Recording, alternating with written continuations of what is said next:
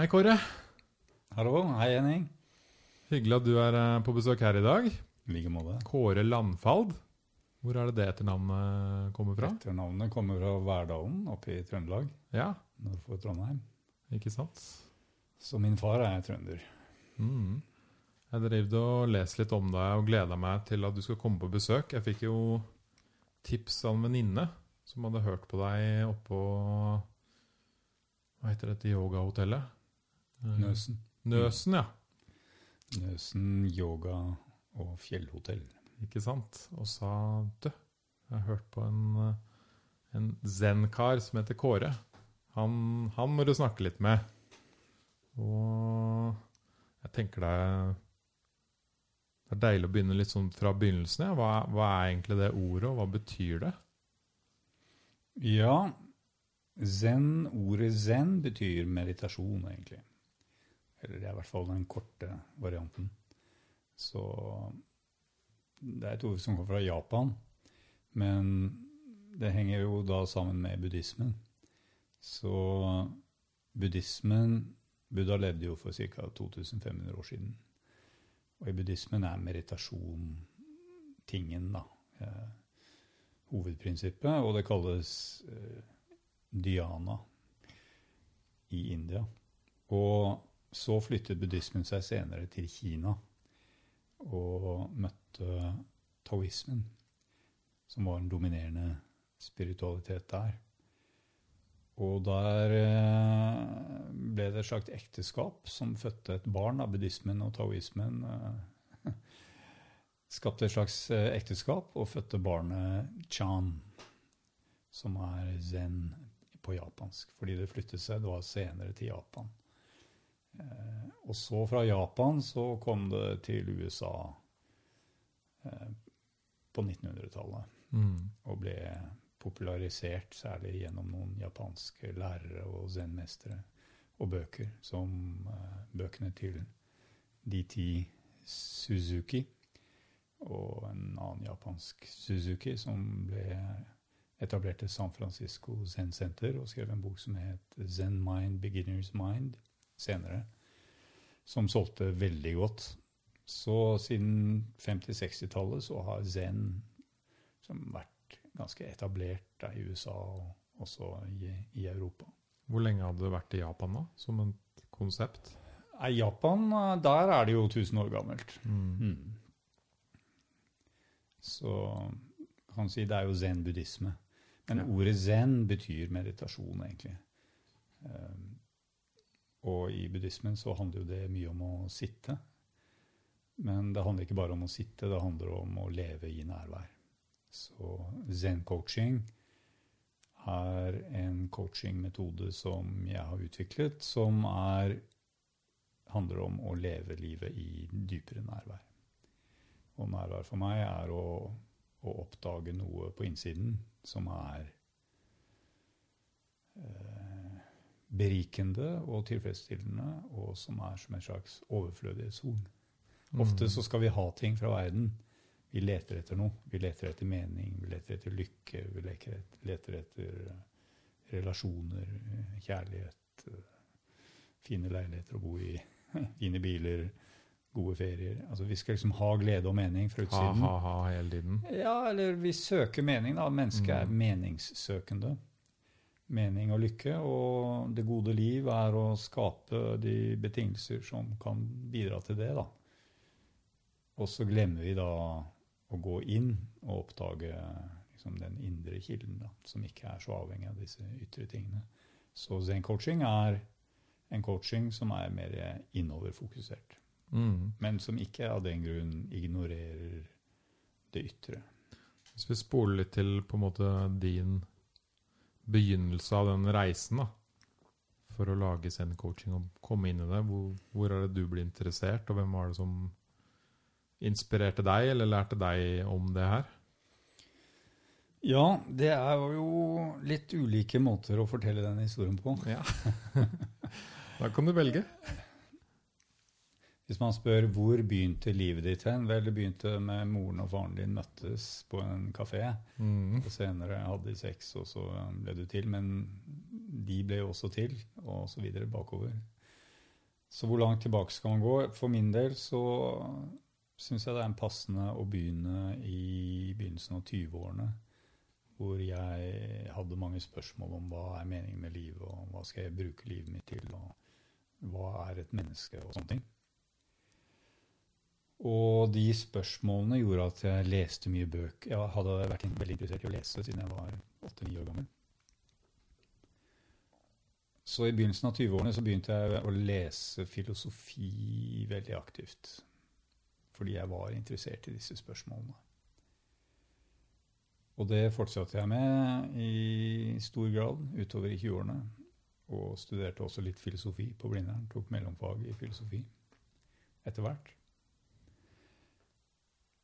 Så gjennom mine studier, både universitet, men også bare for meg selv, så kom jeg da også over en hel del zen-bøker som var fascinerte meg veldig. Hver gang jeg leste noe om zen, så ble jeg sånn Hva? Hva er dette? Som et helt, et helt annet eh, perspektiv på tilværelsen, som ikke jeg hadde blitt uh, ja, vist av noen. Da. Det, på, dette var jo på 80-tallet. Og på den tiden så var det jo ikke noe internett, og det var ikke så mange som var interessert i meditasjon og yoga. og Sånne ting fantes veldig lite. Jeg hadde aldri hørt om disse tingene. Så for meg var det en, en, en eksotisk verden fra 2500 år i India og noe gammelt. og noen munker i India og liksom noe, noe fjernt. da. Så gjennom, gjennom, disse bøkene så ble åpnet, min bevissthet åpnet for at disse tingene fantes. Men så tok det lang tid før jeg tok et steg inn i faktisk praktisk meditasjon. Og uh, mer praksis, da som for meg handler om å være med meditasjonslærere og praktisere med eh, guiding. Og det skjedde først 15-17 år senere. Da dro jeg til et zen-senter i eller buddhistsenter i Frankrike. På mitt første meditasjonsretreat, da var jeg vel 37 eh, eller et eller annet sånt. Og da hadde det jo ligget og ulmet da, i 15, i hvert fall 15 år. Og jeg hadde jo tenkt og fundert enormt mye. Da, og skrevet dagbøker side opp og side ned i massevis av år om hva er dette livet egentlig handler om. Men Fortsatte du å lese om zen og sånn, eller hadde du på en måte en pause? Nei, det var konstant, konstant interesse. da. Mm. Ja. Men da tok du steget videre? Da tok jeg steget videre, fordi det sto i en av disse bøkene, en av disse utallige bøker jeg leste, så sto det bakerst, han var ferdig med boken Dette var en bok av Thich Nhat Han, vietnamesisk zen-mester. Jeg likte veldig godt hans bøker, for det var, det var, enkelt, det var forståelig, det var inspirerende. Jeg følte at det var mye kjærlighet og, og fred, og, og det var sånn positivt budskap, og ikke så en del zen-litteratur handler veldig mye om å kortslutte hjernen.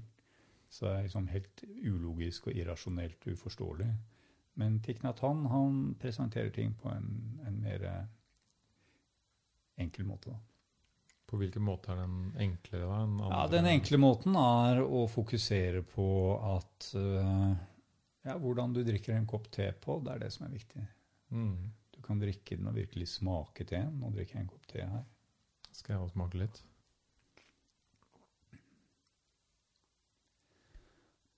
Mm, god te.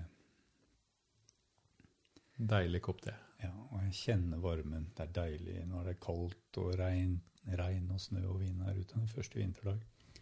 Holde, kjenne. Deilig å holde på denne koppen og kjenne smaken. Kjenne hvordan væsken renner ned i magesekken. og pusten, og så setter jeg koppen ned igjen, og så er jeg her. Så det er den type eh, praksis som er Tikhnatans poeng. Hvordan du drikker en kopp te, det er det som betyr noe. Så mer enklere måter å gjøre det i hverdagslivet og i livet på, da, enn å liksom skulle kortslutte hjernen og disconnecte fra alt rundt deg? Ja, altså Kortslutt i hjernen er jo mer Det har jo samme formål, egentlig. Mm. Fordi grunnen til at vi ikke opplever Vi kan drikke te og spise mat og prate med folk uten å egentlig være til stede. Fordi hjernen er veldig aktivt opptatt av Vi blir så oppslukt av vårt, vårt tankeunivers. Så, så, vi mister egentlig vi, er, vi, lever ofte et hakk foran oss selv. Ja, men det jeg skal gjøre etterpå, det blir gøy. Og når etterpå kommer, så er det også det som skal skje etterpå, som, skal, som er mm. gøy. Liksom. Så, så det, meningen med livet er egentlig alltid litt senere. Ja. Og til slutt, når man er man jo 90 år gammel, da, så skjønner man at senere er egentlig bare gravplassen. og da, da, har man gjerne en oppvåkning, da, når man nærmer seg slutten, at det er ikke noe senere. Livet er liksom dette øyeblikket, og det har det vært hele tiden. Og enten er dette øyeblikket meningsfullt, eller så er livet ikke meningsfullt. Jeg merka det selv mange ganger når man kanskje spesielt eh, Jeg har lagd eller henta meg en god lunsj. Mm. Men så sitter jeg mer og tenker på hva jeg skal gjøre etter lunsjen, og planlegger det i hodet. Ja. Plutselig er lunsjen borte. Ja. Sånn er det jo. Sånn altså, er det. Man lager et herlig måltid mat sammen. Og så setter man seg, og mens man tar de første bitene, så prater man om et eller annet som man er kjempeengasjert i. Så man har brukt to timer på å lage et måltid mat, og så man, har man liksom spist fem, eh, fem skjeer med mat før man i det hele tatt har smakt på maten.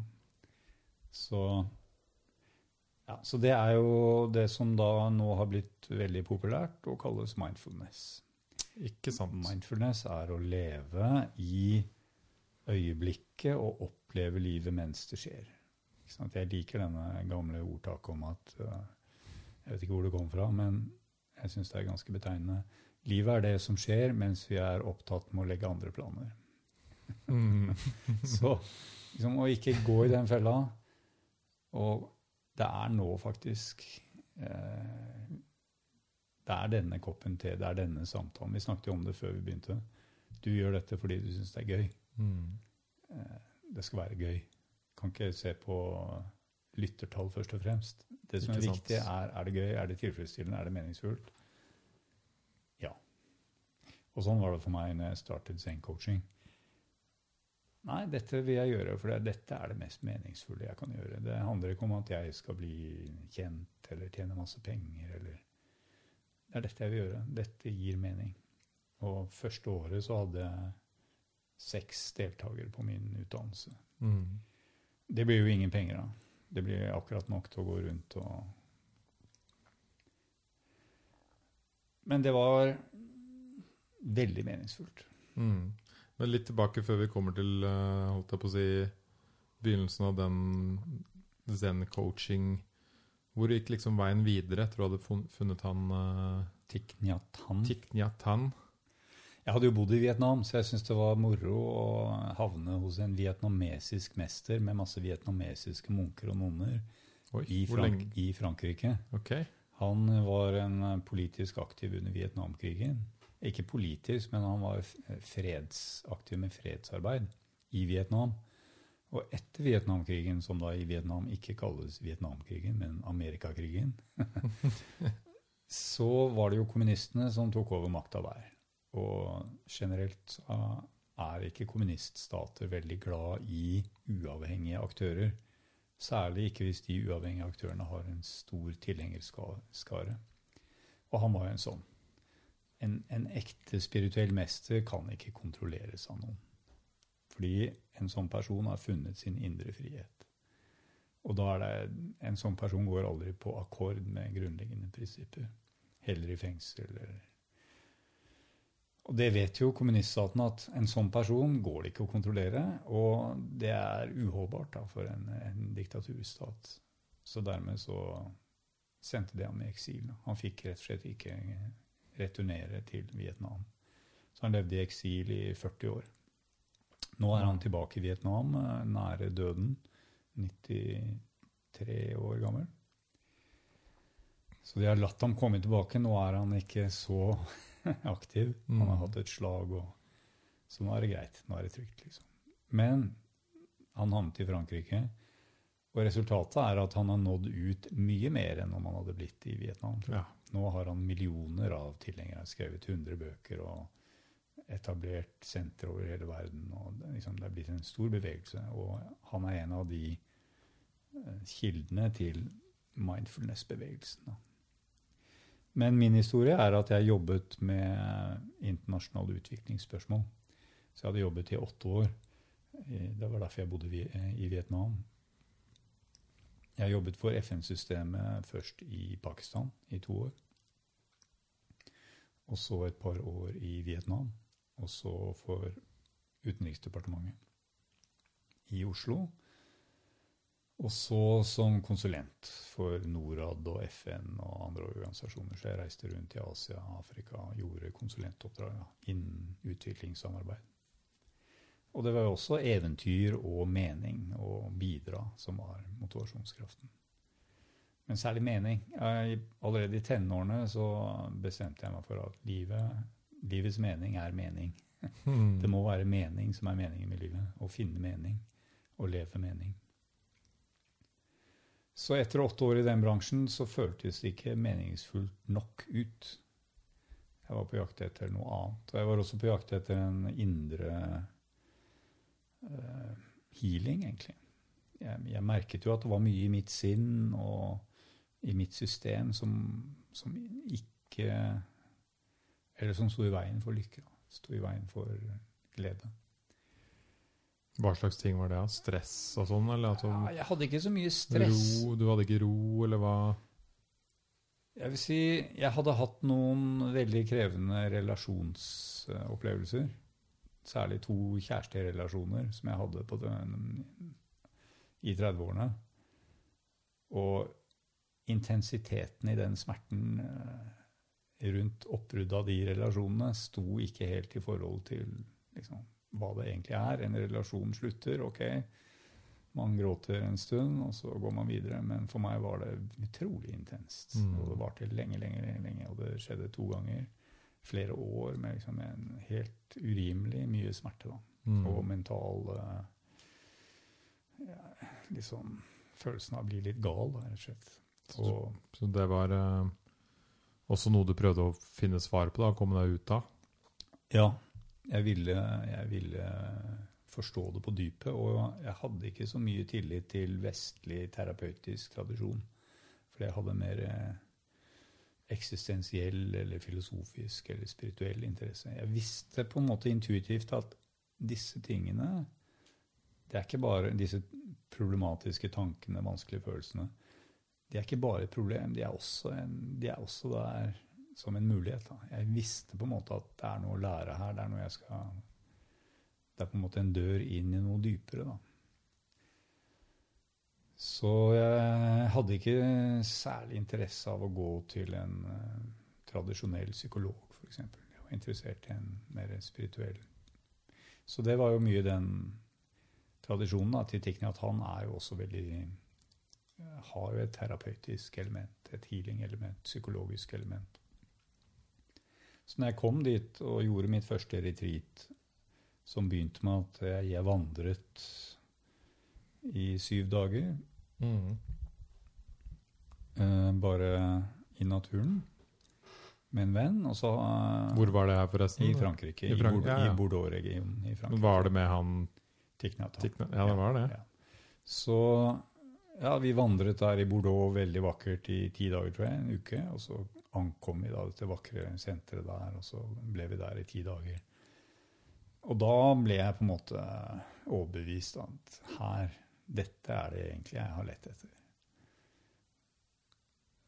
Da ble det virkelig på en annen måte enn det gjør når man leser og lytter. Man kan lese og lytte og lære mye på den måten. Man kan reflektere, skrive, prate. Men jeg visste, jeg visste allerede fra før at det trengte, jeg trengte noe mer enn refleksjon og lesing og forståelse med hodet. Jeg trengte å Jobbe, faktisk kommer ut og jobbe med stoffet på en annen måte. Jeg visste at meditasjon var veien. da. Men Jeg var, jeg var litt redd for det, fordi jeg, jeg visste at, at jeg ville inn i meditasjonsverdenen. Men noe i meg var veldig redd for at jeg skulle mislykkes. Da. At nei, det skulle ikke virke, jeg skulle ikke få det til. Eller. Så jeg tror jeg unngikk det litt også, i redsel for at, det, at jeg skulle feile. da. Jeg tror det er en veldig eh, En veldig vanlig eh, måte å tenke på nye ting på. Ja. Selv om du har lest om det og studert, og sånn, så er det sånn ja, nå skal jeg faktisk begynne med det. Oi, det er jo, det er jo egentlig det som er skummelt. Ja, jeg tror det var litt ekstra skummelt, fordi på et eller annet nivå så visste jeg at det var på en måte det eller ingenting. Det er liksom en spirituell reise, en meditasjonsreise. Et eller annet sted så visste jeg at det er den eneste veien å gå videre, dypere.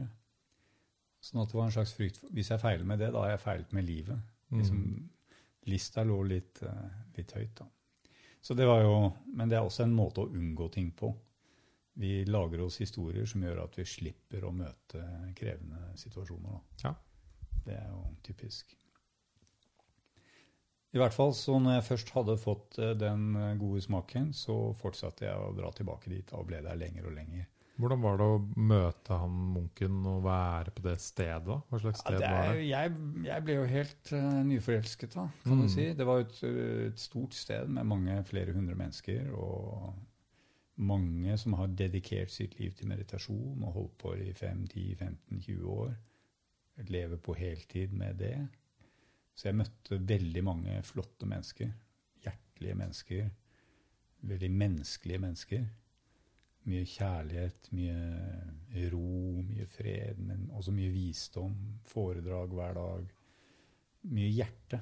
Ikke, ikke så alvorlig. Lett. Mm. Lett, hyggelig. Mye, mye stillhet, men ikke bare stillhet. Gode samtaler. Ut i naturen. Stå opp tidlig hver dag. Meditere, ja. Fem, halv seks hver dag. Legge seg tidlig. Ikke noe alkohol, ikke noe party-party. Men veldig vakkert, veldig tilfredsstillende.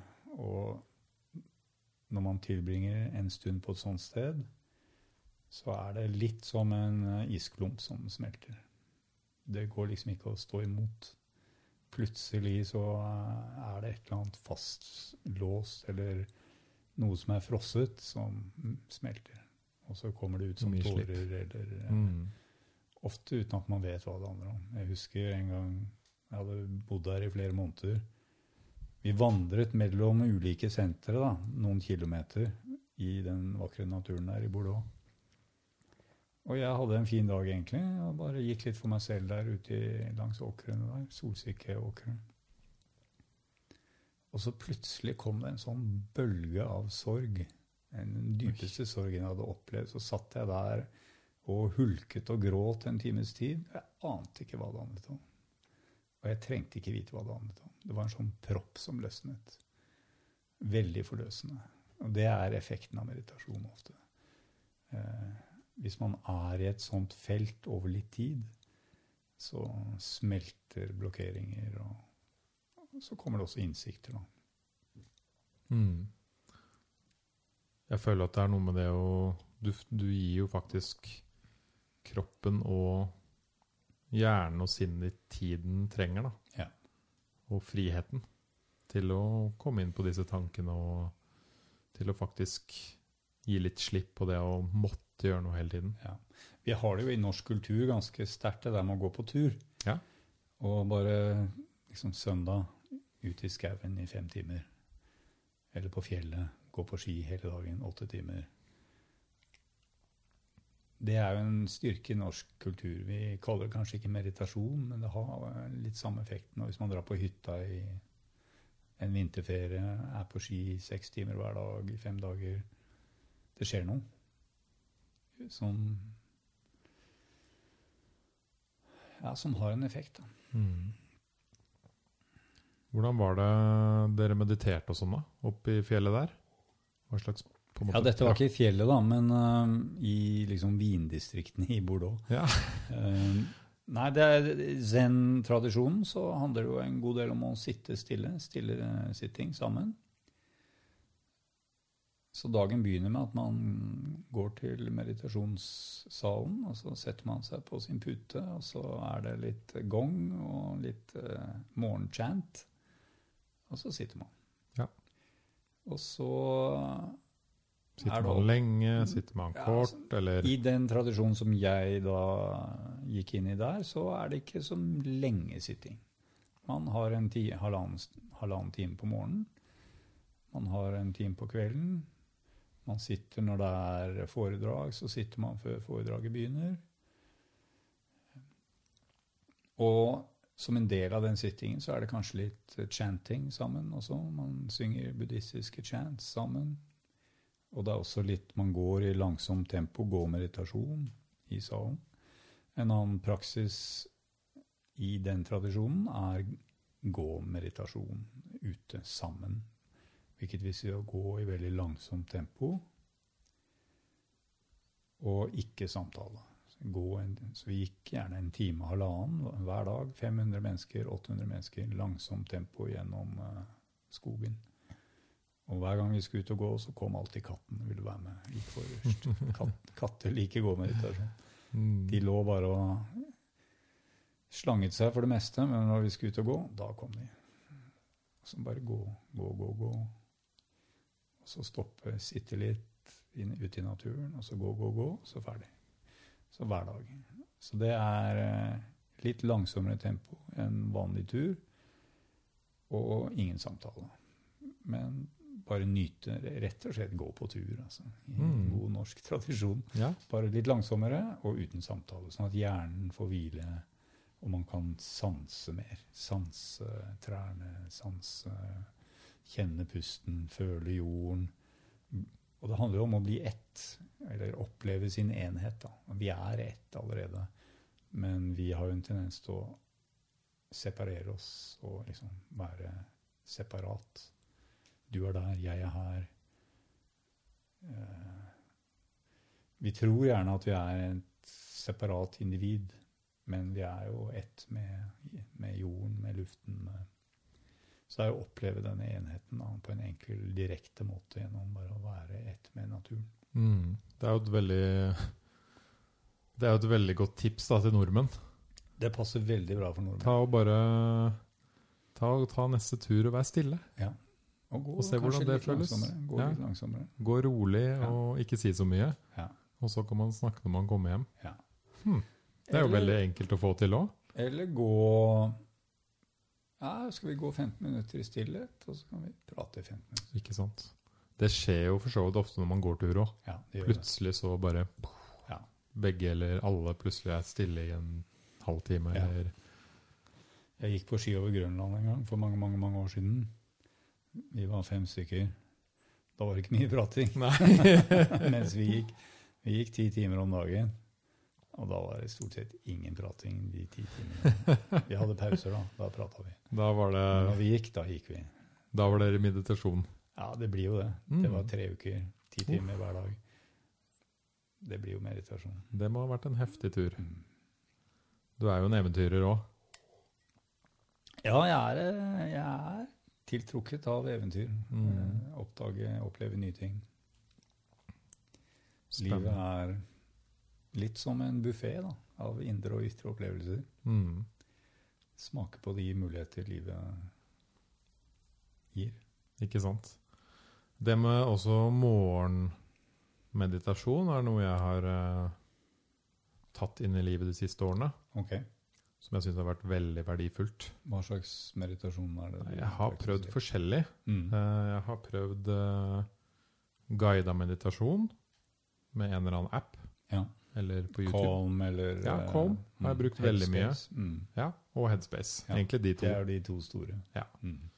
Uh, og de har jo også sånne programmer, ikke sant. Syv dager stress. Ja. Syv dager stressavslapning. ja, nettopp. Syv dager lære om fokus. Ja. Syv dager sove bedre. Veldig mange sånne uh, meditasjonsuker du kan hive deg på. da. Uh, det syns jeg funka veldig bra. Ja. Og så har jeg hatt noen sånne som guider deg til å kunne meditere alene. Mm. Så jeg, jeg bytter litt på. Mm. Eh, kanskje det er tre-fire uker med meditasjon uten noen ting. Bare sitte og være. Mm. Og jobbe med å prosessere tankene og klare å slappe av med det som er i hodet, egentlig. Mm. Og guida meditasjon, hvor du får litt hjelp da, underveis, og Mm. kanskje, kanskje noe å fokusere på. Et lite anker. Um, men det jeg har merka, er jo at uh, og det har flere snakka om på den podkasten her nå, er at når du står opp om morgenen Jeg tror spesielt for folk som bor i byer og kanskje har litt intense jobber, eller du står opp og har tre unger sant, som venter, eller Mm. Det er mye som skal skje den dagen, da. Mm. Så står du faktisk opp med en stressa hjerne. Mm. Fordi hjernen din våkner, og så begynner den å prosessere alt du skal gjøre hele dagen. Så det å heller si Nei, vent litt, hjernen. Nå skal jeg stoppe litt. Mm. Begynne med å stoppe. Nå skal jeg, nei, ikke sant? Nå skal jeg begynne med å stoppe og slappe av. Eh, Det har i hvert fall gitt meg en utrolig mye bedre ro utover hele dagen. Da. Mm. Så det har vært en verdifull ting å implementere i mitt liv. Og så er jo spørsmålet om eh, det sikkert er på samme måte like nyttig å avslutte dagen sånn. Det er ofte vanskeligere å meditere på kvelden Det enn det. på morgenen. Liksom, hjernerytmer og kroppsrytmer gjør at det vanligvis er vanskeligere på kvelden. Mm. Da kan det kanskje være bra med en guidet eh, meditasjon på Ja. for f.eks. Innsovningsmeditasjon. Men tilbake til din historie. da. Nå hadde du vært eh, borte i Bordeaux der Ja. og lært deg mye om eh, meditasjon. ja, så jeg tilbrakte et par år der, da. Eh, Ja. Mer eller mindre frem og tilbake. Mm. Ikke sant? Mm. Og du Så følte du fikk min- mye ut av det? Veldig mye ut av det. Det var min Det var min skole, meditasjonsskole. Da forsto jeg hva meditasjon egentlig er, og det tar tid, da. Og meditasjon er både superenkelt og et helt univers. Det er det jeg også har merka. Ja, det er både ingenting og alt. Mm. Så, men etter et par år der så begynte jeg å få en litt eh, dypere forståelse for hva det handler om. Mm. Og likte meg veldig godt der, og kunne egentlig godt ha fortsatt å bo der. For det var, det var ikke et sånt kloster som, hvor man trekker seg tilbake fra verden. Det var et dynamisk, aktivt eh, senter med tusenvis av besøkere hvert år. og Han tilhører jo en retning som kalles engasjert buddhisme. Så delaktig i verden.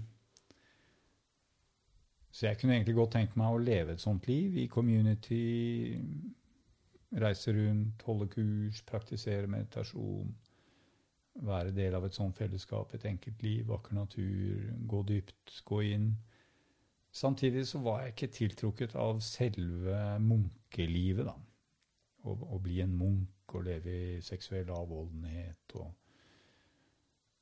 Den biten appellerte ikke til meg.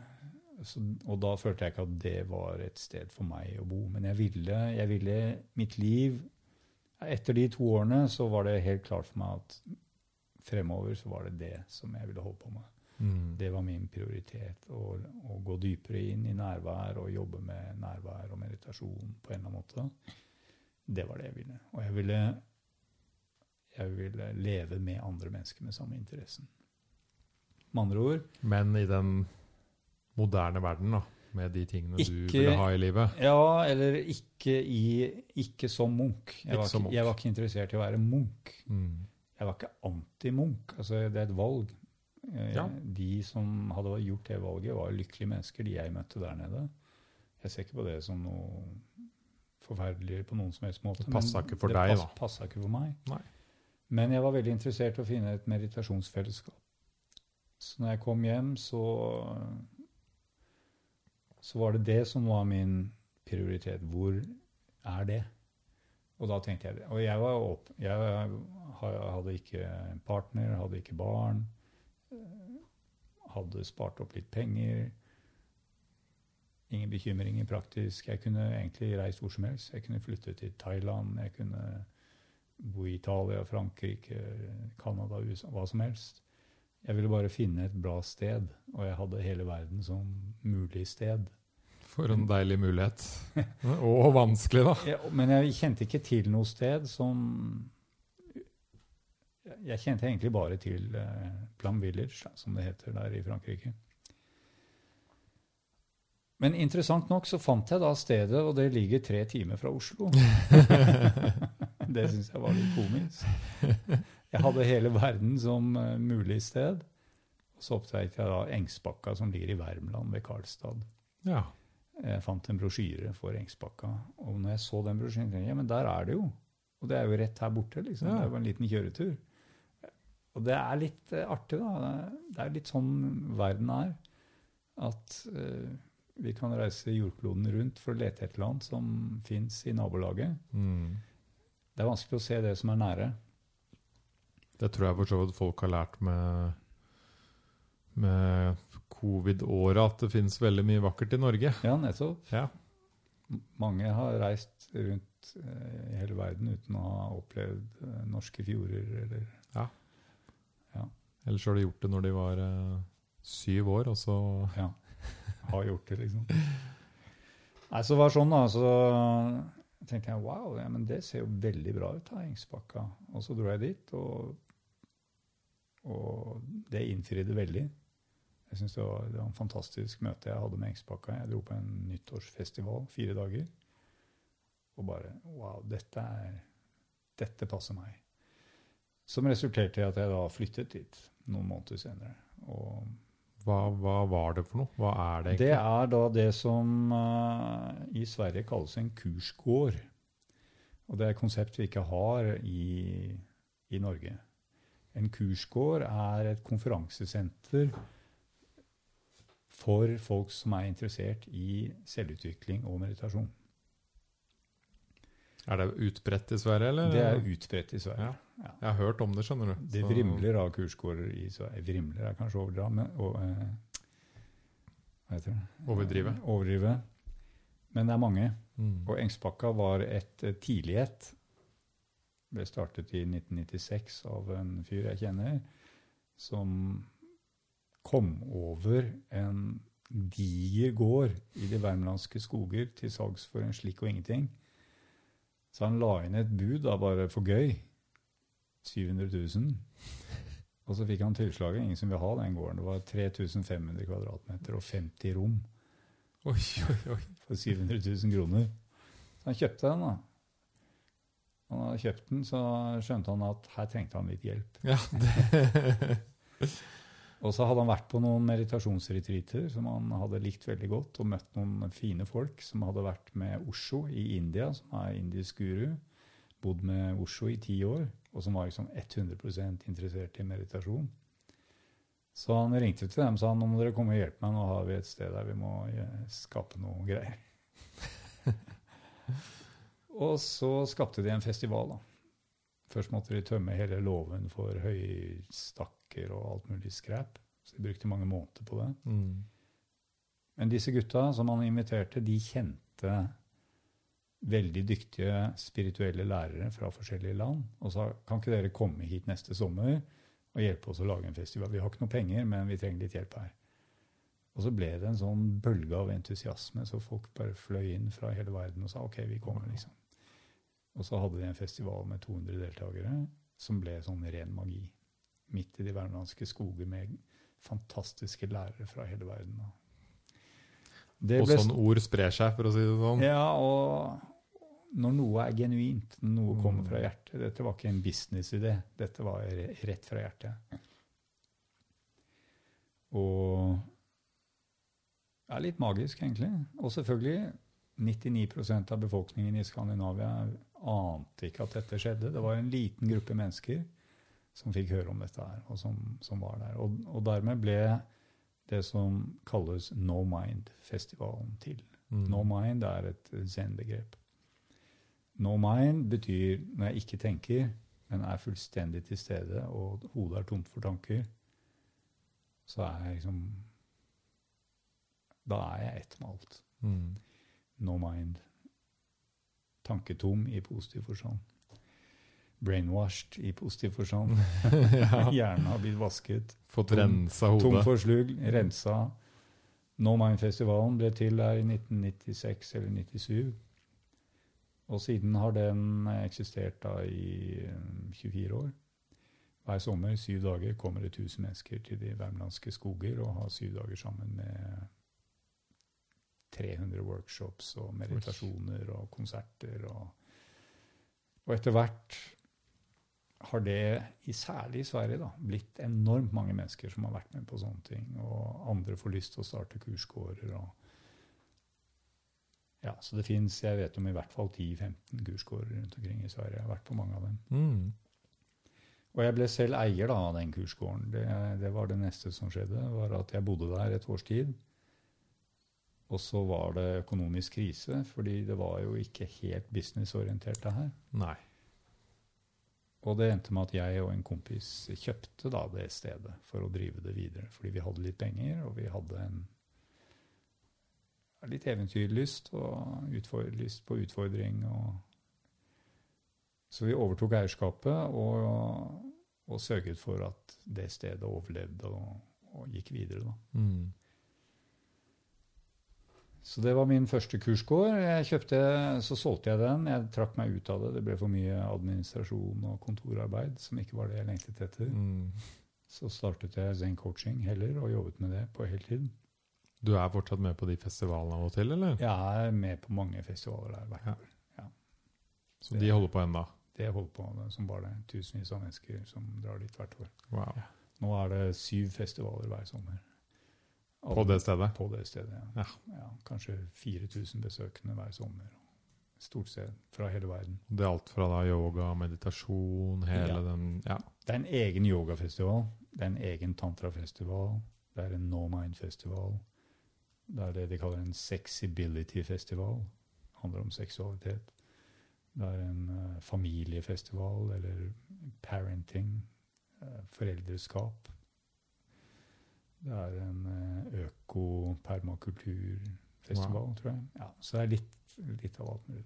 Så det nærmeste vi er det, er det nærmeste vi kommer her i Norge, den Nøsen yogahotell? Ja, på en måte. Ja. Av det jeg vet om, så er Nøsen det, Jeg kjenner jo han som driver Nøsen, og eier Nøsen. ja, han eh, Hva heter han? Alexander. Alexander, ja. Mm. ja. Han har sagt han skal komme på besøk hit snart. Ja, han må du Mm. invitere. Han Ja. har mye klokt å si. Ja. Han er jo veldig inn i indisk eh, praksis, yogapraksis. Mm. Og filosofi. Og, ja. Så veldig interessant eh, sted og interessant mann. Mm. Jeg har vært der selv. Du har vært her, ja? Jeg var der eh, Det var en venninne som jobba der helt i begynnelsen. Ok. Og da var det jo litt sånn som du snakka om. da. Litt kaos Ja. og litt sånn der eh, Hvor skal man sove, og hvem lager maten, Ja. og hvem er det som egentlig jobber her? Og Ja, ja.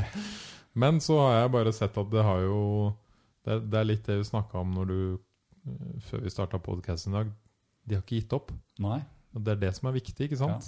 Du skal gjennom litt uh, harde dager og litt minus på kontoen og kanskje noen, ta noen vanskelige valg, da. Ja. Men det gjør også at du, Og du kommer ut sterkere. Og tåle en del ubehag. Ikke minst Ja. ubehag. Det- Uh, det kommer alltid noen situasjoner man ikke hadde forventa. Og der man jobber med mennesker, ikke sant. Mm. Alle mennesker er forskjellige. Ja. Alle forventer forskjellige ting. Alle har forskjellige drømmer. Men det er kult at de holder på ennå, i hvert Ja, det går kjempebra der oppe. Ja, ikke sant? Jeg var der i vinter under koronatiden, så Ja. Mm. var jeg der en stund. ja I sommer. Mm. sist jeg skulle sjekke, skjønner du, så hadde vi jo ferie. Og da var det fullboka. Ja, nettopp. Ja. Ja, nei, Da var det det yogafestival. Det går kjempebra der oppe. Ja. Men greit, tilbake til, eh, til Zen og Zen coaching, da. Hva er, det, det- hva er det du egentlig driver med nå? Ja, nå har vi jo prata mye bakgrunn her. Mm.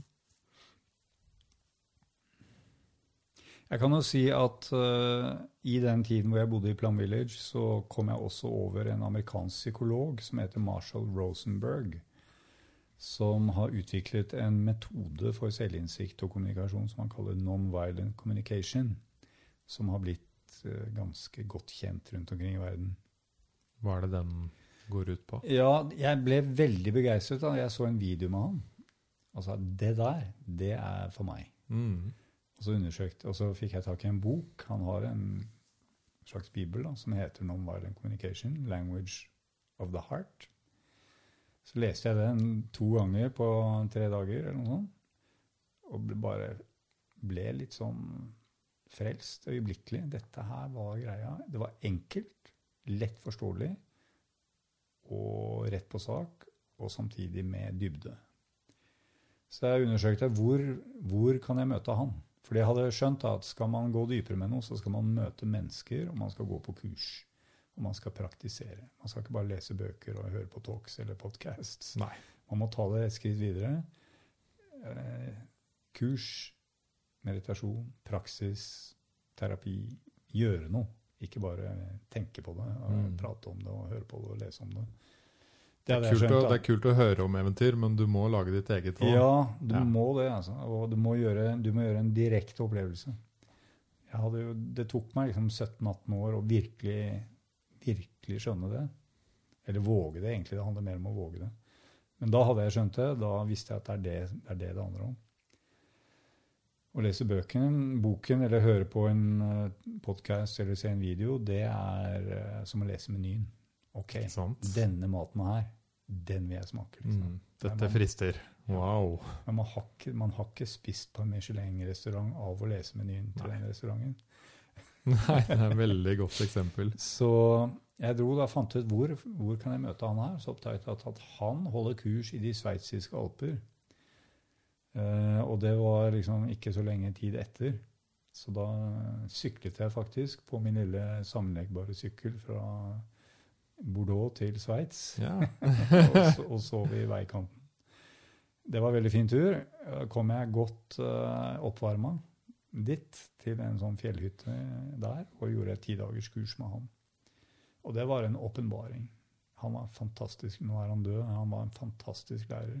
Jeg var ekstremt inspirert av han som lærer, som terapeut, som inspirasjonskilde, som historieforteller helt annen type enn Thich som er en zen-mester. Dette her var en ganske røff, eh, på en måte røff fyr som vokste opp inner city Detroit, Mm. hvor jeg hadde vært ut, utvekslingsstudent som tenåring. Så en helt annen type, med så mye hjerte og så mye klarhet. Så mye humor. Så jeg ble helt forelsket da, i denne metoden, så jeg brukte de neste par årene på å gå dypt inn i den, og jeg dro på studietur til, eh, til Seattle noen måneder, og holdt på med det veldig mye et par år. Og så begynte jeg å holde kurs. Jeg, ville, jeg syntes dette var så fantastisk. Dette var litt sånn Dette må folk få vite om. Dette er så bra at dette vil sikkert alle som hører om det, lære. Jeg var litt sånn nyforelsket. da. Mm. Ja, hva, hva, er, hva er dette for noe? Det sitter jeg og lurer på nå. Hva Ja, ja før, før jeg svarer på det spørsmålet, så kan jeg jo si at det som skjedde med meg, var at, at jeg tok den bakgrunnen fra mindfulness, eh, meditasjon og buddhistisk praksis sammen med dette verktøyet som handler om menneskelig kommunikasjon. Mm. Og så slo jeg de sammen, Mm. og så holdt jeg kurs i det. Og det slo an veldig. Folk likte det veldig godt. Og jeg syntes det var veldig gøy å holde på med det. Og ut fra det ble zen-coaching til. Så på en måte så er det foreningen av de to eh, satt i en coaching-sammenheng, det å være coach. Ja. Så er det på en måte tre, tre hovedkilder til zen-coaching er non-violent communication, buddhistisk meditasjon og mindfulness-praksis, og coaching som en spesiell metode for å støtte mennesker på. Tror du det er fordi at disse, disse verktøyene sammen på en måte treffer bedre i et, la oss bare kalle det et moderne liv? Det er akkurat det jeg følte. Ja. Dette er tilpasset vårt liv. For du, er, man kan ikke ta en spirituell tradisjon som vokser frem i en del av verden, og bare omplante den i en helt annen del av verden uten å, uten å tilpasse den.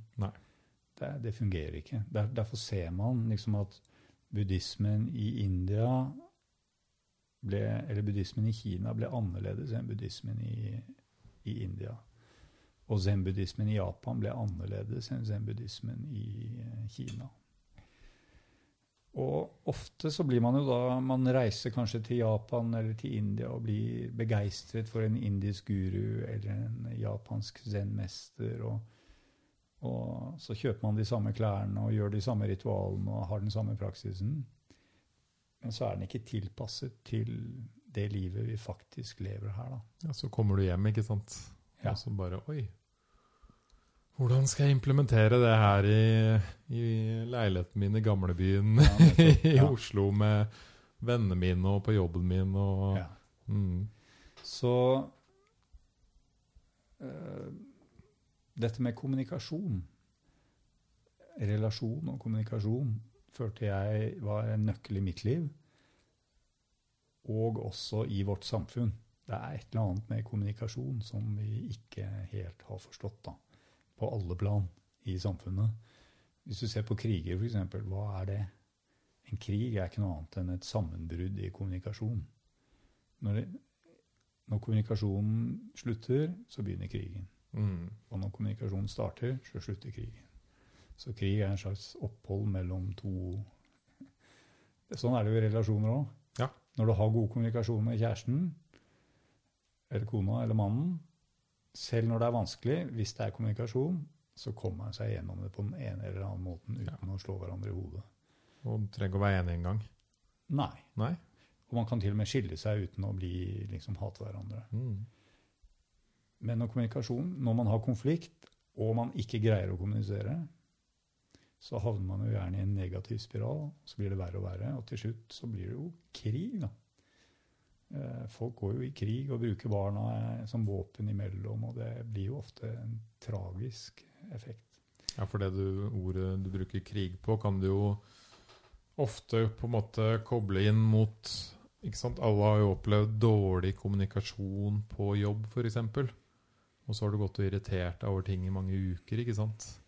Og så ender opp Og så kan du fort ende opp veldig mye enklere enn det du trodde. Fordi Mm. du velger å kommunisere Ja. med sjefen din, eller kommunisere med de du jobber med. Og der er det, det, er, det er ikke lett da, for mennesker når det, når det har Når det oppstår knuter på tråden, og det er noe som gjør veldig vondt, og man føler at den andre personen er eh, årsaken til min smerte Du er skylda i min smerte. Og når jeg prøver å prate med deg, så bare avfeier du meg og sier at det er bare tullprat. Det er du som er dum. Så gjør det enda vondere. Så forsøket på å kommunisere gjør vondt verre, og så hater jeg det enda mer. Mm. Og så blir det totalt sammenbrudd, og så kommer vi ikke videre. For eksempel så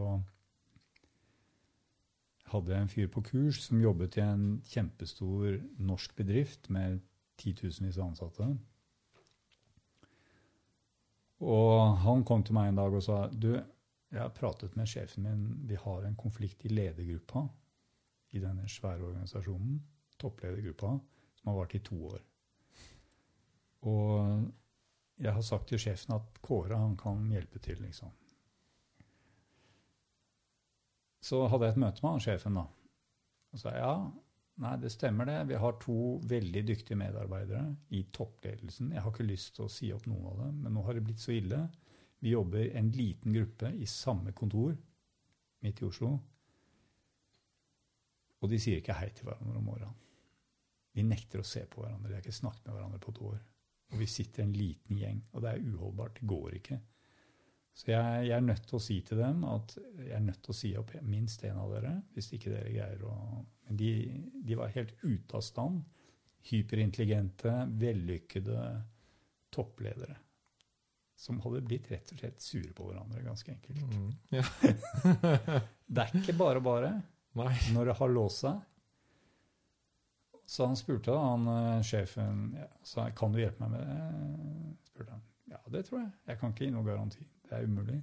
Men jeg tror, jeg tror det skal kunne gå, i min erfaring, ved bruk av prinsipper fra non-violent communication og meditasjon. Yes. Ok, han ble litt håpefull, da. Det er jo kostbart også. Å si opp en person på det nivået koster jo ofte noen millioner kroner, faktisk Mm. hele prosessen å skaffe en ny person og osv. Så, videre. så sa han OK, hvor lang tid tror du det vil ta? sa han. Og så, Nei, en dag burde gå. sa jeg.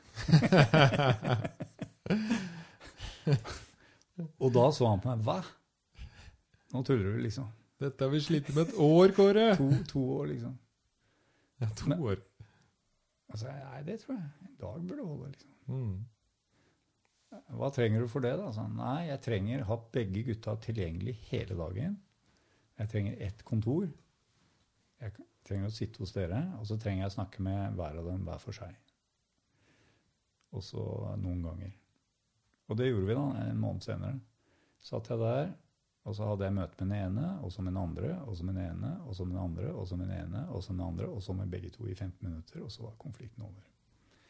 Og det er kraften i empatisk lytting. Å skape kommunikasjon der hvor det ikke er kommunikasjon. Skape, komme et nivå dypere. Så den ble faktisk eh, løst tilstrekkelig til at de kunne samarbeide og fortsette å beholde jobben. Og firmaet sparte en million eller to eller tre.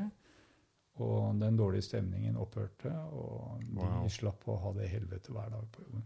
Men det hørtes ut som du sier, da, at eh, mye av Mye av løsningen her var bare å lytte og la folk få tømme seg og snakke. Å lytte, men å lytte på et nivå hvor man kommer i kontakt med hva som er roten til konflikten inni hver enkelt person. Og det har folk veldig liten trening i. Å gå Vi holder oss på ett nivå, og vi skylder på hverandre. Og vi fanges i våre tanker, dømmende tanker. Og så greier vi ikke å se liksom, det nivået vi trenger å, å se. Da. Så det jeg gjorde, var på en måte å, å olje maskinen. Da. Lytte på en sånn måte å oversette ting, komme til kjernen, sånn at de faktisk begynte å forstå hverandre på et dypere nivå, og de kunne få mer medfølelse med hverandre. Mm. Rett og slett at hjertet åpner seg. Det er Mm. ikke bare hodet man trenger å få hjertet med. Sånn at begge følte seg litt dypere forstått og respektert. Og så kunne de ta hverandre i hånden og si OK, vi legger dette bak oss. De ble ikke bestevenner. Jeg snakket, jeg snakket med han fyren et par år etterpå. Hvordan gikk det egentlig? Nei, de jobber der fortsatt, begge to. Liksom. Det går greit. Man trenger ikke alltid å bli bestevenner heller, men man kan ha en respekt for hverandre Ja. da, og ikke, ikke gå rundt og hate. Og man Nei. kan begynne å kommunisere igjen. Nei, Så det var ikke en sånn solskinnshistorie at de ble liksom superbuddies. Men jeg har, jeg har noen sånne òg. Ja. Jeg hadde en um,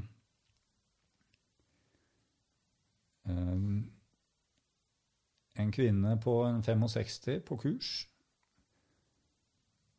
Og hun syntes det var så bra, det kurset. Eller var en, en utdannelse, egentlig. Så hun fikk med seg flere fra sin organisasjon. Det er en organisasjon man lever og jobber sammen. Community. Så hun fikk flere med på det da, i neste runde. Blant annet en kvinne på hennes egen alder som hadde kjent siden hun var født. Altså, de, de hadde kjent, kjent hverandre i 65 år. Mm. Jobbet i samme organisasjon hele livet. Vokste opp der som barn. Og jobbet der sammen hele livet. I litt forskjellige steder, da, men møtt hverandre hele tiden. Og aldri likt hverandre. og etter at de begge to hadde gått det kurset og lært disse prinsippene og kommet dypere i seg selv, så ble de bestevenner. Wow. Er ikke det utrolig?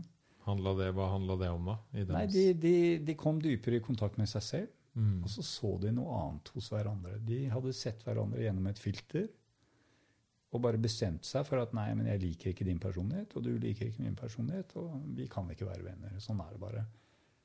Og sånn tror vi ofte at det er. Men det er fordi vi ikke har gått eh, dypt nok inn i oss selv. Folk er jo ganske sta da, med tankene sine. Ja, ja, ja. Og så er det mye ubevisst. da. Ja.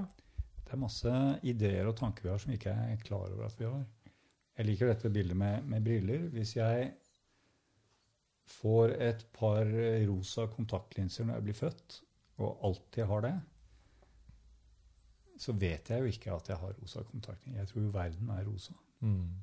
Hvis ingen har fortalt meg at jeg har rosa kontaktlinser, så har jeg gått rundt av en rosa verden inntil en dag eh, mister jeg kontaktlinsene. Og så er jeg med. What? Verden har forandret seg, men verden har jo ikke forandret seg. Nei. Det er, det er veldig bra. Og det er jo sånn jeg jobber Bra med folk. Folk tror at det er noe gærent med andre mennesker eller jobben eller hva som helst. Og det jeg gjør, er å hjelpe dem å få andre briller. Da. Så samme situasjonen plutselig ser bare helt annerledes ut. Og det er jo det er sånn det kan skje en ganske mirakuløse ting på veldig kort tid. Da. Mm. Jeg hadde en sesjon med en, en ung kvinne i går som jeg aldri har møtt før. Hun har bare blitt anbefalt å ta en prat med meg. Og eh, ja, vi møttes da, og spurte jeg hva, hva er, er det du har lyst til å utforske. Altså, det er mange ting, sa jeg, men Men eh, jeg har hatt utfordringer med søvn. Det er mange som har.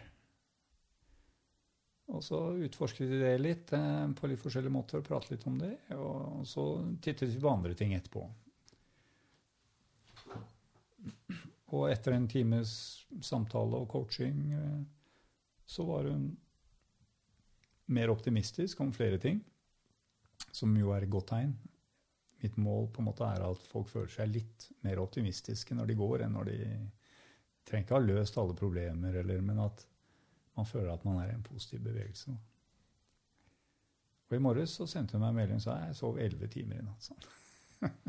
Hvordan går du fram da å, når du møter en sånn person som har en sånn, et sånn utfordring, da, et problem? Jeg kan jo si generelt da, hvordan jeg går frem i zen-coaching. Ja. Så, Gjerne. så begynner det som en, som en hyggelig kafésamtale mellom to venner. Hvis jeg har ikke sett deg på et par måneder, eh, eller hvis jeg er venner og du ringer og sier ja, kan vi ikke ta en prat, jeg har en skikkelig utfordring. Og så møtes vi på en kafé, og så sier jeg nei, nå sliter jeg i relasjonen her, og eh, vi har trøbbel liksom på hjemmefronten. Hvis jeg er en god lyttende venn da, da, da lytter jeg jo til deg, og så forteller du litt. ikke sant? Ja, så jeg, men fortell, hva skjer liksom? Og så forteller du hva som skjer, og hva som er problemet, sånn som du ser det. Så det er jo starten på en coachingsesjon. Det er som en kompis som lytter til eh, ditt problem. Og så tar vi det et steg videre. Er det det mye du eh, snakka om, sånn empatisk lytting? Det er empatisk lytting. Det vil si at jeg lytter ikke for å redde deg eller hjelpe deg, men jeg lytter, deg, jeg lytter til deg fordi det er interessant. Fordi det er godt å bli møtt og bli hørt. Og fordi det skjer noe når man lytter til hverandre. Uten å skulle gi råd, uten å skulle øh, snakke om meg selv, uten å skulle hjelpe deg, egentlig. Så det er liksom steg én da, i, i all coaching, egentlig. Men så gjør vi det som man ofte ikke gjør da, i, gode vennskapssamtaler. Vi går mer inn i følelsene her og nå. Så det, det typisk ser ut på den måten at jeg spør deg ok, nå som du har pratet om dette her, og fortalt meg dette her, kanskje prate i fem minutter eller ti minutter, hva skjer i deg akkurat nå? Og da er det noe annet som skjer. Da stopper du liksom nå. Ut av historien, og så inn i øyeblikket. Og hvis det har vært en smertefull eh, tid for deg, så ofte så kommer det da plutselig en bølge av tårer. Du Mm. har liksom fortalt historien og vært ganske kjekk og grei, litt trist liksom, men du har ikke grått. Nei. Du har liksom hatt kontroll over følelsene. Men poenget, hvis du vil gå dypere, er å slippe, slippe kontrollen over følelsene. Hva skjer i deg akkurat nå? I kroppen. Og så voff, så skjer det noe. Og så tar vi en reise i det som skjer her og nå. Og den reisen kan vare i 30 minutter. Og i, på den reisen så er ditt opprinnelige tema kanskje langt borte. Du havner et helt annet sted. liksom. Og som er en her og nå-reise. Og det kommer masse følelser og spenninger i kroppen, og det forløser seg, og så kommer det nye energier, og så plutselig ekspanderer du, og du skjønner ikke helt hva som skjer, og wow, hva er det som skjer nå? Nye universer åpner seg plutselig. Eller du føler deg plutselig så trygg. Mm. Du var så redd, og så plutselig er du så trygg, og så utforsker vi. Ja, men fortell mer om det. Så det blir en reise innover, inn i din indre opplevelse, som mange mennesker som er nye til meditasjon og terapeutisk arbeid, aldri har gjort. Liksom, nei, gå inn. Det er veldig farlig der inne, liksom. Mm. Wow. Kan møte mye demoner, og hvorfor skal jeg gå dit, liksom. Det som er spesielt da med zen-coaching, er at vi, vi vi prøver ikke å, å liksom nå noe sted. Det er ikke noe pushing, og 'nå skal du føle noe', eller Det skjer helt av seg selv. Så det er veldig avslappet, det er ikke noe press. Men, og når det ikke er noe press, så pleier det å komme ting. Men hvis du fra 'jeg må føle noe', nei. Du må ikke føle noen ting, men det skjer da. Mm. Og jeg spør ofte 'hva skjer i kroppen din', da? Og hvor skjer det i kroppen? Ja, det er noe som skjer i magen, liksom. En klump. Ja, Fortell mer om den klumpen. Kroppen forteller utrolig mye som ikke Vi lytter sjelden til kroppen ordentlig. Så det er zen-coaching, en indre reise i det indre univers. Ofte gjennom ubehag og smertefulle følelser, men som et resultat av det, finne et ja til øyeblikket, så åpner det seg nye dører, da. Og så plutselig har de der brillene, som kanskje var ikke rosa, men uh, mørkegrå Ja. Jeg går liksom rundt med mørkegrå briller, og alt er trist. Og, Negative, kjipe ja, verden er fæl, og, Mm. og så videre. Og plutselig så er det liksom akkurat som noen vasket øynene mine, og så spør jeg Og så Og hjertet åpner seg, og, og jeg føler trygghet og stabilitet og indre fred og ro. og Overraskende ofte, da, for Mm. folk. Og særlig overraskende nettopp fordi det skjer i hver eneste samtale. Det er ikke sånn om du går liksom i tre måneder, og så skjer det plutselig et mirakel. I hver eneste samtale på én time så skjer det noe sånt. I varierende grad, da. Mm. Men til en viss grad så skjer det i så godt som alle entimesamtaler. En coachingsesjon er vanligvis én time. Så det er noe fantastisk når vi ja, Så en som har, lært denne måten å lytte på, og de spørsmålene som støtter den prosessen, kan bidra på en veldig avslappet måte til at det skjer veldig mye på veldig kort tid. Og så når det da har åpnet seg på innsiden, så bringer vi inn problemet, da. Så ta det eksempelet med nei, problemet på hjemmeplan. Så jeg sier OK, nå da, etter denne reisen en halvtime hit og dit på innsiden så Hvis du titter på relasjonen din nå, da, hva ser du nå? Og plutselig så ser du seks muligheter som du ikke så for en halvtime siden.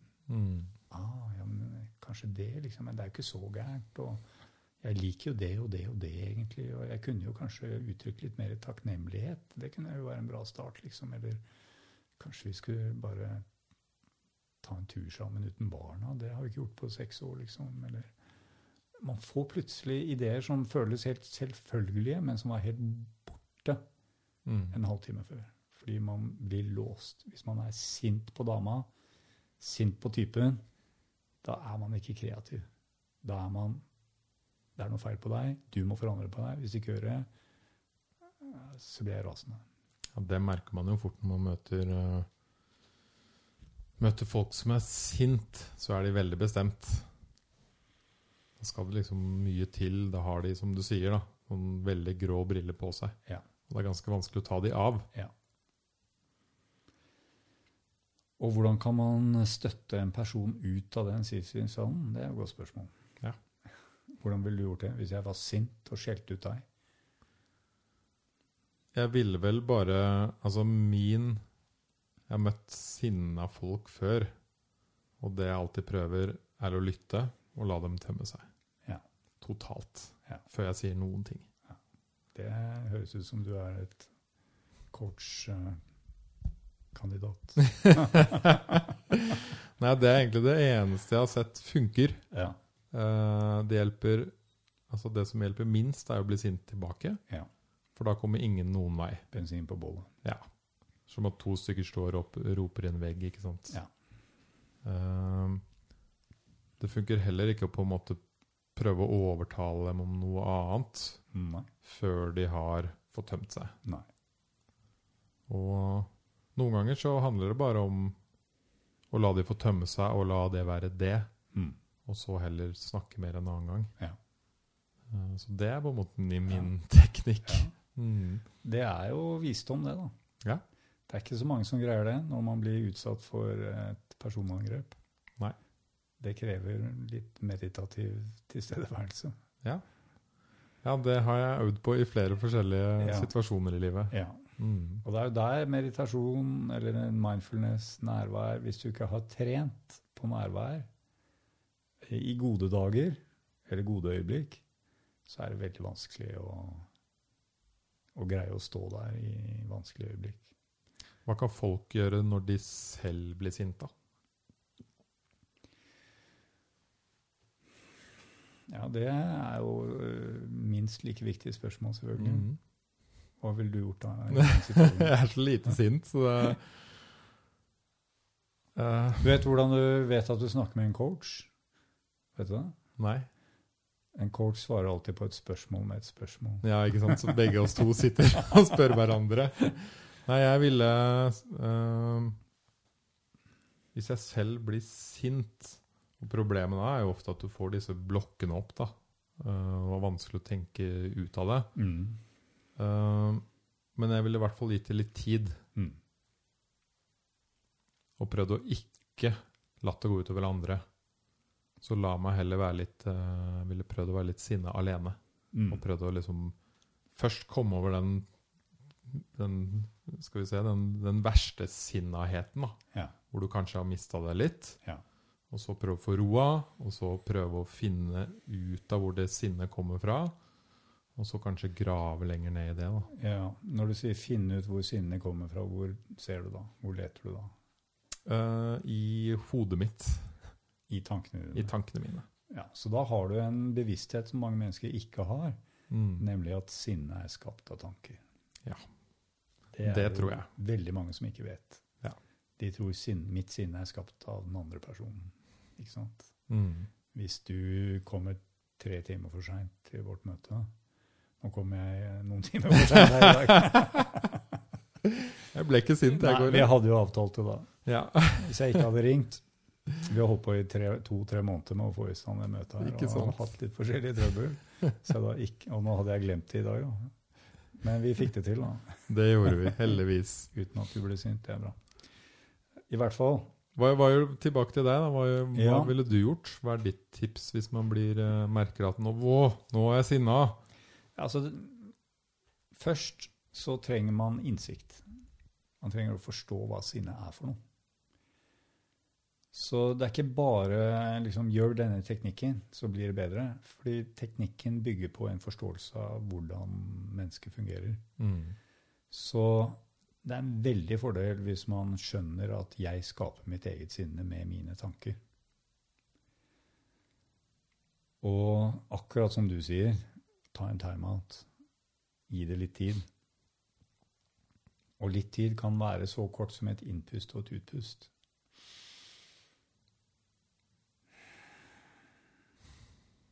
Jeg, tror det beste måten å svare på er også en liten undervisning i, i ikke-voldskommunikasjon Ja, og en personlig historie, som jeg ofte forteller på kurs. for jeg lurte jo på hva det var i Ja, stad. ja, ja. Så jeg bruker, når jeg underviser i dette her, så, så bruker jeg ofte dette eksempelet, fordi det er sånn hverdagseksempel som folk kan kjenne seg igjen i. For mange, mange år siden så skulle jeg til Berlin på et eh, spirituelt eller meditasjonsretreat i Berlin. Jeg hadde en venn som, som sa han fyren her, han er helt eksepsjonell. Det er liksom en, en oppvåknet buddha. Han må du møte. Og når jeg hører sånt, siden jeg er interessert i å leve så våken som mulig og møte store, dyktige lærere Når jeg hører en sånn, tenker jeg søren.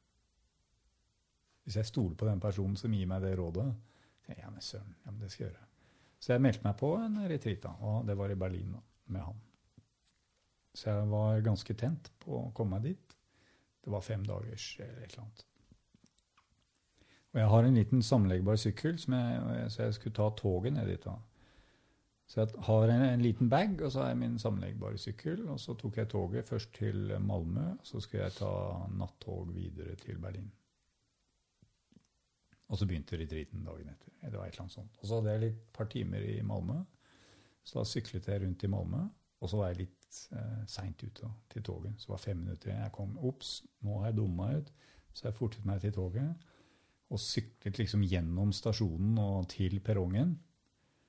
Og ned på perrongen. Og der sto det toget jeg trodde det var. Og det var liksom klart til å gå. Det var ingen mennesker på perrongen. Dørene var lukket. Det sto bare konduktøren utenfor.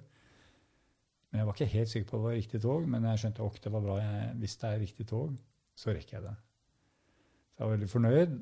Og så spurte jeg konduktøren mens jeg sto på sykkelen ennå, er dette tog til Berlin? Og svaret var det er forbudt å ta med sykkel. det var jo ikke svar på spørsmålet. Nei. Men uh, du kan jo forestille deg hva som skjedde i mitt system da jeg fikk det svaret. Litt sånn surt. Det er forbudt å ta med sykkel. Så jeg ble sint. Mm. Men fordi jeg da praktiserer meditasjon, ikke-voldskommunikasjon, så brukte jeg det prinsippet som vi nettopp snakket om, ta en pause. Men toget skulle jo gå om fem minutter. Ja. Så liksom, man må lære seg av og til at pausene må bli litt korte, da. Men det var liksom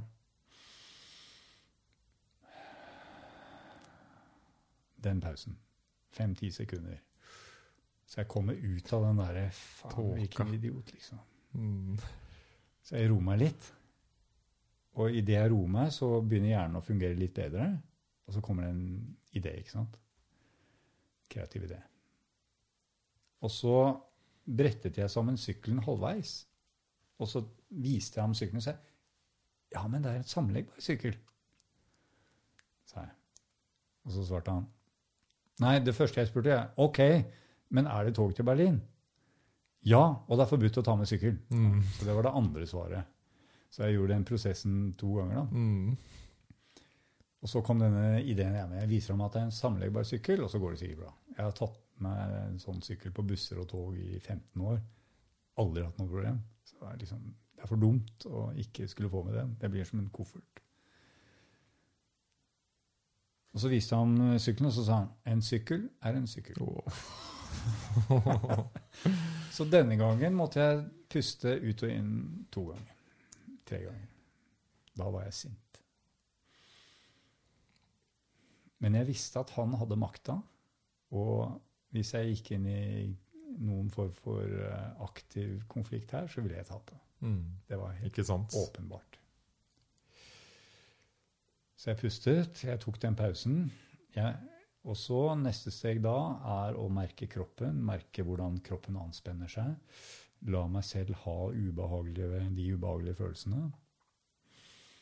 Så det er en viktig del av nøkkelen. Det er å tillate meg selv det ubehaget som oppstår. Hvis jeg ikke tillater det, så kommer jeg til å gå i krig med den andre personen, enten jeg taper eller ikke. Så jeg må tillate ubehaget. Og så neste steg, det er å spørre meg selv hvilke behov er det jeg ikke får møtt nå? Hvorfor blir jeg så opphisset? Fordi sinne er et uttrykk for behov som ikke blir møtt. Og ofte så aner vi ikke hvilke behov det er. Så vi bruker hjernen til å spørre oss ja, men hvilke er de dypeste behovene jeg har her. Og vi må litt i dybden her, da. Det er det som krever trening. Men jeg hadde mye trening, så jeg kunne gjøre det. Mm. Og jeg vet at hvis jeg kommer i kontakt med de behovene som ikke blir møtt, så blir jeg ikke mer sint, jeg blir mindre sint. Vi kan ikke både være i kontakt med et dypt behov og være sint samtidig. Det er enten eller. Så jeg kom, undersøkte da, ganske raskt på innsiden av meg selv hvilke behov det var. Ja, det var behov for vennlighet, for medfølelse, for samarbeid. Og så hadde jeg behov for læring eh, i Berlin. Eh, innsikt, selvinnsikt og alle effektene av det retreatet. Og i møte med han fyren så hadde jeg behov for eh, snillhet, liksom, hjelpsomhet, omtanke, omsorg. En form for kjærlighet, egentlig. Å bli sett, hørt på. Så alle disse behovene var levende i meg. Og når jeg liksom anerkjente disse behovene, så kom det som en sånn dypt utpust i meg, og sinnet forsvant. Og da kunne jeg begynne å se han. tenkte jeg, Han har jo også noen behov. Yes. Han, det fins jo noen dypere behov bak i han. Så jeg tittet på han. da. Alt dette skjedde ganske fort, da, fordi jeg har trening. Så jeg begynte å se på han med litt annet blikk. Ikke bare 'faen, hvilken sær idiot'. altså. Han liksom... Jeg begynte å se, og så innså jeg at dette er en ulykkelig mann i dag. liksom. Kanskje han har krangla med kona, eller han, han, har behov for vennlighet, han har behov for respekt. Han er kanskje redd for jobben sin, han har, og han føler også et ansvar for å oppfylle jobben sin, da, gjøre jobben sin godt. Liksom. Bli verdsatt kanskje, og trygg i jobben sin. Og også bli respektert for sin jobb. Bli sett. Forstått, kanskje. Så jeg så liksom at han kom jo også fra noen positive intensjoner. Det ligger en positiv intensjon bak alt vi gjør, selv om det ser veldig negativt ut. Det, hvis man går litt dypt bak, så er det alltid en positiv intensjon. Så når, så, når hadde jeg møtt meg selv, min positive intensjon, hvorfor jeg ble sint, og så så jeg hans positive intensjon. Jeg vet jo ikke om det var riktig, men jeg gjettet. Så alt dette skjedde uten samtale. Og så merket jeg at jeg ble helt avslappa. Og så var det ikke så viktig om jeg kom med på det toget eller ikke. tenkte jeg, ok, Da kom jeg litt seint på retreaten. Overnatter i Malmö. Kanskje skjer noe hyggelig her. Hvor farlig er det egentlig? Jeg dør jo ikke av det. Det er greit.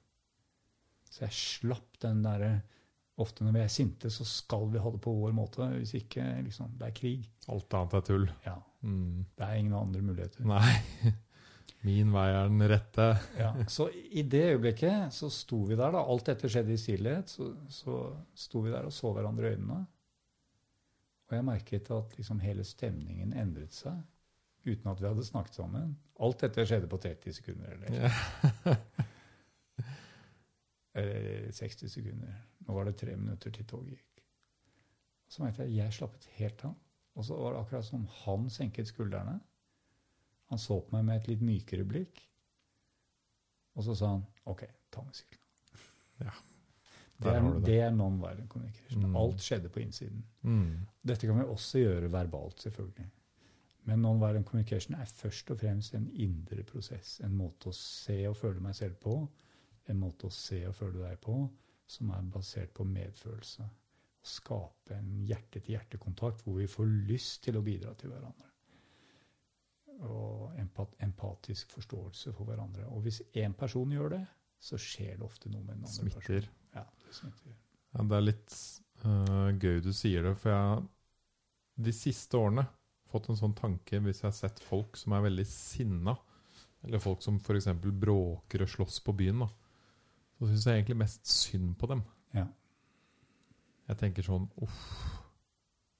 Du har hatt en jævlig dag, eller du har hatt en jævlig oppvekst, eller du har hatt et eller annet kjipt som har skjedd i forholdet ditt. Du går ikke rundt her og slåss på byen fordi du har det bra. Nei. Det er et, det ut, det er et uttrykk av noe som er kjipt i livet ditt. Nettopp. Og det er litt sånn og på den, øh, den personlige sånn siden øh, med meg selv, da, eller med deg selv. Alle har hatt den morgenen hvor du står opp, og så løper du på badet, og så sparker du inn i veggen eller noe. Mm. Og så ødelegger det hele dagen din. Ikke sant? For det bare Du kommer inn i dagen med de mørke brillene på deg, Ja. og du har et helt feil Alt blir kjipt, da. Ja. Du har kanskje stått opp med feil fot først allerede, som gjorde at du sparket i noe. Da ble du enda surere, Ja. og så bare blir det verre og verre i løpet av dagen. Og så regner det, ikke sant? Du klarer ikke å se på regn på positiv måte Nei. på den dagen der. Det Og hvis du da møter en eh, bil som liksom sperrer veien, så er du såpass aggressiv mot sjåføren der at han blir ekstra sur og nekter å flytte seg. mm. Og så blir alt bare verre og verre. Ja, verre. fuck you, oi! Hvis du derimot snur på det og viser empati og snakker med disse folka som er sure, og på en måte, som du sier, vrir om den tankegangen Og det begynner med en selv. da. Det er det som er nøkkelen her. Ja. Vi kan ikke begynne med å lytte til andre, vi trenger å begynne med å lytte til oss selv. Så hvis man krangler i et forhold, da, så må man først lytte til seg selv. Ja, begynne med seg selv. Å lytte til seg selv mener jeg også føle meg selv. Mm. Og Hvilket betyr også føle min kropp. Merke spenningen i kroppen og finne en måte å tillate meg selv å, føle disse ubehagelige følelsene. Mm. Det er jo Konflikter bygger egentlig på et forsøk på å slippe vekk fra ubehagelige følelser. Så i det øyeblikket jeg tillater meg å ha disse ubehagelige følelsene, så opphører egentlig konflikten. Og det skjer også noe med disse følelsene. Og plutselig oppstår det nye muligheter. Mm. Et litt annet spor som jeg tenkte å snakke Hadde lyst til å høre litt med deg. Nå er det jo et veldig annerledes år, Mm. ikke sant? Det er, en, det er noe virus ute og går, og folk er er stengt virus, inne, og folk er mindre sosiale og mer alene enn før. Hvordan Eller mindre alene. De er fanget hjemme med mennesker de vanligvis slipper vekk fra. Ja. Kan dra på jobben. eh, Ikke sant? Nå er det ikke noe sted å dra, liksom. Må sitte hjemme med familien hele døgnet. Hvordan kan man snu denne situasjonen her til noe positivt for seg selv og de rundt seg? Jeg kan jo si det sånn at coachingperspektivet En grunn til at jeg elsker coaching, uansett hvilken coachingskole det er snakk om, er jo den grunnleggende holdningen da, å se etter det halvfulle glasset og ikke det halvtomme glasset. I livet så er glasset vanligvis både halvfullt og halvtomt. Og hvis vi fokuserer på at det er halvtomt, så blir livet på en måte. Mens hvis vi fokuserer på at det er halvfullt, så blir det på en annen måte. Mm. Så det første er jo å trene seg opp da, til å, å, å tenke at det fins noen muligheter. OK, det er halvfullt, liksom. Det er halvtomt også. Det er noe som er kjipt. Jeg har hjemmekontor, og jeg liker det egentlig ikke, fordi jeg syns det er hyggelig å møte kollegaer. Det er ensomt, og det blir stusslig bare med Zoom-møter. Det er halvtomt. Så anerkjenne, anerkjenne ubehaget igjen. Men ikke, ikke holde på der, bare. Hjernen vil gjerne bare tenke på det halvtomme, halvtomme, halvtomme. halvtomme. Og det er også en måte vi ødelegger våre relasjoner på. Hvis man hele tiden forteller din partner hva som er halvtomt med relasjonsglasset, så blir det en slags selvoppfyllende profeti. Til slutt så blir Ja. partneren lei og får ikke lyst til å være sjenerøs. Og så blir glasset halvtommere og halvtommere, kan man si. Ja, det tømmes. Inntil det blir helt tomt. Så OK, anerkjenne. Det er halvtomt. Og OK, Så man anerkjenner situasjonen. De anerkjenne kjipe tinga òg. Anerkjenne de kjipe tinga. Ikke sånn lettvint ja, men det er, alt er til for noe godt. Og hoppe over smerten. Ikke smart. Anerkjenne smerten. Og så ha en slags grunnleggende holdning da, at det fins en positiv mulighet i absolutt alt. Det er en slags, en slags grunnleggende holdning eh, de fleste coacher har. Som gjør at de blir coacher og syns det er gøy med coaching. Og de hjelper folk å skifte perspektiv. Hvis du kommer til en coachtime og syns at det er veldig få muligheter, og så går du ut av coachtimen og så føler du at det er mange flere muligheter enn du hadde sett før du gikk inn. Det gjelder ikke spesielt i zen-coaching. Det gjelder coaching Generelt. generelt. Og coaching har faktisk blitt ekstremt populært i næringslivet. Nå er det sånn at eh, de fleste organisasjoner jobber med coaching fordi det fungerer. Fordi det er en aktiv metodikk for å se muligheter, og ikke liksom bli fanget i negative perspektiver. Åpne mindet, se nye muligheter. Så det er en slags grunnleggende livsholdning. Så det er det første, da. Ok, anerkjenne smerten, men rett og slett spørre meg selv ok, hvilke positive muligheter fins i min situasjon. Og det er jo litt artig eller underlig at folk betaler en coach i dyre dommer for å stille et sånt spørsmål. Mm. Fordi du kunne ha skrevet det på en Post-It-lapp og hengt det på kjøleskapet og stilt det selv. Men vi gjør det ikke, altså. Ofte. Vi bare gjør det ikke. Det er noe med hvordan hjernen er skrudd sammen. Så det å ha en person der som anerkjenner din smerte, lytter empatisk, og så stiller OK, jeg forstår. Og da slapper du litt av. Du er blitt hørt. Du har blitt, liksom, følelsen har blitt anerkjent. Behovet har blitt anerkjent. Men så får du det spørsmålet. OK. Så hvilke, hvilke positive muligheter fins da, liksom? Hvordan kan, du, hvordan kan du skape noen muligheter i denne situasjonen? Hvis du stiller det spørsmålet til noen før smerten har blitt anerkjent, så de ikke, har de ikke lyst til å svare på det. Men når smerten har blitt anerkjent, så får de lyst til å svare på det.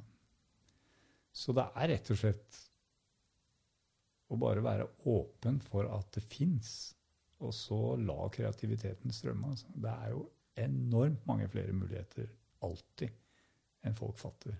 Ja. Jeg kan jo si bare for meg selv, så Jeg holder jo på med Jeg har jobb. I tillegg arrangerer jeg jo festival og mye events i Oslo. Mm. Alt ble Musikk- kansellert. Musikk, ja. Musikkfestivaler. Ja, riktig. Musikk. Typisk sånne ting som blir kansellert. Alt det ble kansellert i, i år. Så tenkte vi hm, dette er jo egentlig en mulighet til å endelig få oss en pause. Ja. Nå kan vi tenke litt. Så kan vi stille oss selv spørsmål som Er det vi driver med, det vi vil drive med, den, på den måten vi gjør det i dag? da? Mm. Er det noe annerledes vi kan gjøre? Dette er, dette er spørsmål som er veldig vanskelig å stille seg når du er inni det hele tiden. ikke sant? Ja, Eh, vi bare Oi, nå får vi endelig en pause. Ikke sant? Uh, hva er det vi vil neste år, da? Nå har vi fått et års pause fra festival. ja, nettopp. Hva er det vi, hva er det vi Nå har vi tid til å lære kanskje enda mer av fjoråret. Og gå enda dypere inn i hva det folk vil på festival og osv. Uh, så på den måten har vi lært masse innenfor musikk og events og festival. Eh, personlig så fikk, får man jo Jeg har fått mer tid. Du bruker jo ikke så mye tid på vei til jobb. Mm. Du bruker jo ikke så mye Du har plutselig en time lunsj hjemme alene Mm. hvor du kan meditere. Ja. Du kan trene. Du kan jogge deg en tur ute. Ja. Du kan lese en bok. Ikke sant? Det er veldig mange muligheter. Det er så mange muligheter. Det, er det som nesten har vært vanskelig, er å velge. Ja, og det som er vanskelig, er å, å, å komme ut av negativitet. Mm. Man kan bli fanget, Mm. man kan bli depressiv, og så har man ingen energi. Man vet at det finnes mange muligheter, men man greier ikke bruke dem. Og så begynner man å kritisere seg selv for å ikke bruke de mulighetene som fins. Og så havner man i en negativ spiral. Så hvis man ikke greier å stille dette spørsmålet, og ikke greier å tenke muligheter, men er fanget i negativitet, hva gjør man da? Det er jo kanskje der mange havner da. At de, de hører venner si ja, men du kan jo gjøre det, og du kan gjøre det, og du kan gjøre det. Venner vi liker jo ofte å si det til hverandre. liksom. En coach gjør ikke det. En coach lar deg finne dine egne svar. Men først finne ut hva er det som skjer hvis du blir fanget i negativitet og depressivitet og kollapser og ikke har inspirasjon til å bruke den tiden til noe meningsfullt. Du, ja, jeg kunne trene mer. Ja, jeg kunne meditere mer. Ja, jeg kunne elske mer. Eh, Ja, jeg kunne starte noen nye prosjekter. Ja, jeg kunne skrive boken jeg har drømt om i 30 år. Men jeg gjør, jeg gjør ingen av delene. Jeg ser i veggen og drikker øl, liksom. Istedenfor. Eller spiser chips og ser på Netflix. Så igjen er det da dette grunnprinsippet vi jobber med i Zen-coaching og i meditasjon generelt. Steg én er å anerkjenne sånn som det faktisk er. OK, nå har jeg havnet her. Det er ikke så behagelig. Men jeg trenger ikke dømme meg selv for det. Det er noe i meg som gjør at dette er en veldig krevende situasjon. Og det kan finnes mange grunner til det. Men bare anerkjenne at det er ikke lett å plutselig ha hjemmekontor. For noen mennesker er det en drøm. Slippe å reise, slippe å sitte på kontoret. Fantastisk. For andre mennesker med en annen personlighetsstruktur så er det liksom Det er et fengsel, det er et helvete. Det er Mm. Jeg holder ikke ut. Jeg liker egentlig ikke hjemmet mitt. Jeg. Nei. Ja? Er eller man liker har kanskje hjemmet sitt, men man trenger den stimulansen av andre mennesker. Anerkjenne. ikke sant? Anerkjenne. Ja, men dette er faktisk veldig vanskelig for meg. Det er en grunn til at jeg havner med chips og Netflix. Og det er ok. Altså liksom komme ut av denne selvdømmingen. da. Hvis man kan- kan finne et ja, så er det noe som slapper av. Og da begynner det i hvert fall å bli litt muligheter. Og da er det prinsippet som jeg tror veldig på, det er baby steps. Ikke for store, for store mål. Hvis jeg havnet i en negativ spiral Jeg trener ikke, jeg jobber ikke jeg liksom, Da kan du ikke begynne med alt det på en gang. Begynn med én liten ting. Mm. Kom deg ut en halvtime. Nail det. Liksom, yes. Ja. Få litt positiv energi. Ah, jeg fikk litt luft, liksom. Jeg, jeg gjorde noe. Liksom bryte, bryte mønsteret litt. Da. Så det er det ene. Små ting. Baby steps. Og det andre er søke støtte. Altså, vi er jo, kanskje menn særlig, vi er jo lonely, lonesome cowboys som skal greie alt sjøl. Det ligger litt i kulturen. Men spørre meg selv okay, hvilke personer kan være en støtte for meg i denne situasjonen. Hvem kan jeg ringe til? Rekke ut en hånd. Vise litt sårbarhet. Nei, det er ikke, det er ikke lett for meg nå, liksom. Å kunne si det som en Ja, jeg, jeg føler at særlig for menn så er det Det sitter langt inne å, å si det. Dessverre. En så enkel ting. Jeg har det, jeg sliter litt nå. Det er vanskelig. Jeg syns ikke det er greit å ha hjemmekontoret. Det er ikke en drøm, liksom. Eh, jeg er Eller med andre problemer. Ja, eller hva som helst. Ja. Strekke ut en hånd. Og, hvis, og det fantastiske er at når man gjør det, så blir man jo nesten alltid positivt eh, bemøtt. Da. Folk verdsetter at man våger å vise litt sårbarhet. Og der må mennene skjerpe seg litt. Ja, særlig gutta. Kvinner Mm. Altså. Det ligger jo i kulturen. Vi skal være sterke og få til alt. Og så det er en annen ting da vi jobber mye med i Zen coaching. Det er å se at sårbarhet faktisk er en styrke.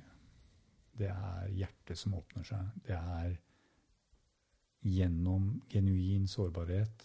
Ikke den sårbarheten som er 'jeg er et offer', og, og så synd det er på meg.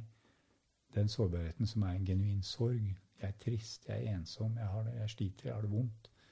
Ikke, det er ikke det samme som selvmedlidenhet. Vi blander ofte sammen de to. Da. Vi, ingen har lyst til å være fremstå som selvmedlidende og ynkelige. Og så tror vi at sårbarhet er det, men det er ikke det. Liksom. Sårbarhet er hjerte, det er kontakt, det er kjærlighet. Og det er utrolig hva som åpner seg når vi våger det steget. Så det har jeg jobbet med i- mitt liv, hele mitt liv, og venne meg til å vise mer av den siden. Og inspirere andre til ja, men det er en tåre, hva er en tåre? En tåre er en tåre. Det, that's it. Ja. Det er noe som smelter. Det er bra, liksom. Noe åpner seg. Absolutt. Det er veldig fint sagt òg. Mm. Og det å kunne åpne seg mer for det, det Det tror jeg er veldig viktig i et sånt samfunn vi lever i. Jeg hadde et businessmøte i går. Vi skal starte et nytt prosjekt i Sør-Afrika. Jeg jobber mye, eller reiser, jobber en del i Sør-Afrika. Mest fordi jeg har blitt forelsket i Cape Town og elsker kitesurfing, som er veldig Ja. bra i Cape Town. Så jeg har reist dit um, hver vinter. Nesten ja, Ikke alle vintre, men veldig mange vintre Det er omvendt årstid der, er det ikke det? Så det er sommer når Ja, du ned dit. Så jeg reiste dit. i 23 år Oi. regelmessig, og holder også Zen coaching-utdannelse der nede. Og så tilfeldigvis har jeg møtt en sørafrikansk businessmann som bor i Norge med sin familie, og har, driver business i Johannesburg. Så hadde, vi, hadde jeg et møte med han for noen dager siden, forrige uke.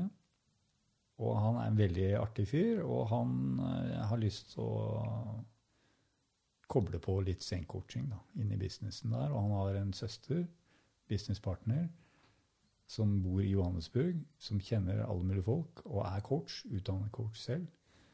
Så vi hadde et uh, veldig interessant møte her nå i går, på Zoom, og snakket om det at det er så mye ulykkelighet blant de vellykkede businessfolka. De fattige sliter. Det er veldig mange som sliter i Sør-Afrika. Men de som ikke sliter økonomisk, de sliter også. De er ulykkelige, de er stressa, de er ensomme, de er, det er mangel på mening. Alle liksom er fanget, da. Så Og det er jo Vi skal fremstå som vellykket. Dette er jo vellykkede businessfolk. og Det blir ikke meningsfullt liv av det. Å Nei. fremstå som vellykket, det blir ikke mening. Det er ikke på en måte Det at du skinner når du går ut av døra, det er ikke egentlig det som teller. da. Det er ikke det at du skinner innvendig, Ja. som er det viktige. At man føler at det jeg driver med, har mening. Mm.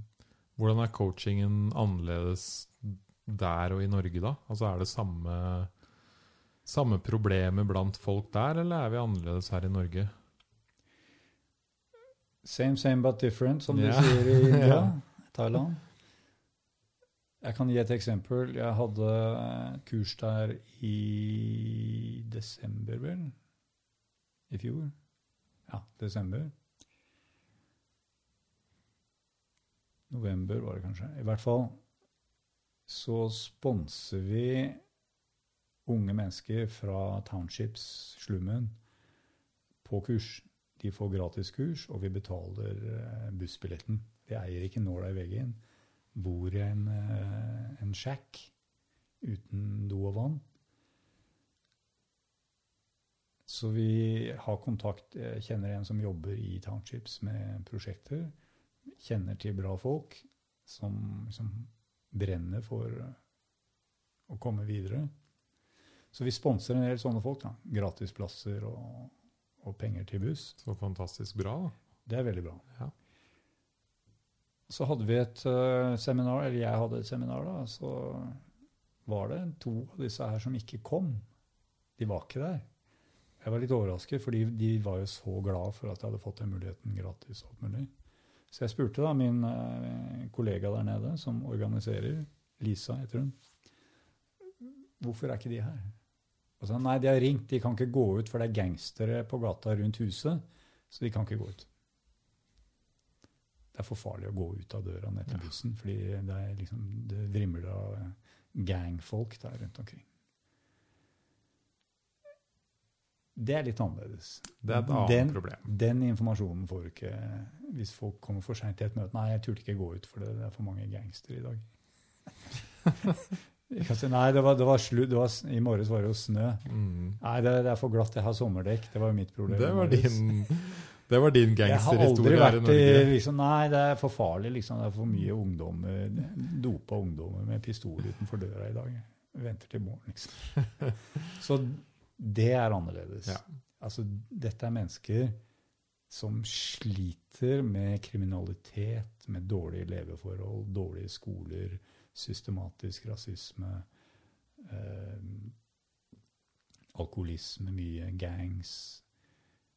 Så den eh, fysiske faktoren, overlevelse, trygghet, mat, eh, sikkerhet, eh, vann, er og basic helse, utdannelse. Alt er liksom så jeg, så jeg har tenkt litt at for disse folka er kanskje ikke den indre reisen prioritet. De må liksom få seg penger og, og trygghet. Men vi har opplevd noe annet. Det er faktisk når vi hjelper disse folka å komme i kontakt med seg selv, komme ut av sine frykttanker og negative tanker, så begynner de å se muligheter og føler at de kan ta kontroll over sitt eget liv. Så det er tvert imot. De elsker det. Så vi jobber på akkurat samme måten. Hva føler du nå? Hvor i kroppen føler du det? Hvordan er det? Det er bare de praktiske ytre faktorer er annerledes. Så alle mennesker er veldig like. Når man går til kjernen, så ser alle etter akkurat samme sak. De ser etter mening, de ser etter kjærlighet, de ser etter fellesskap, de ser etter trygghet, de ser etter kreativitet. De ønsker å bidra. De ønsker noe godt. De ønsker å ta hånd om sin familie. De ønsker vennskap. De ønsker skjønnhet. Alle søker det. Og alle er plaget av negative tanker og frykt. Det er bare at jeg er kanskje redd for å bli sagt opp eh, fra jobben, mens de andre er redd for å bli voldtatt eller drept. Ikke sant? Det, er situasjonen der.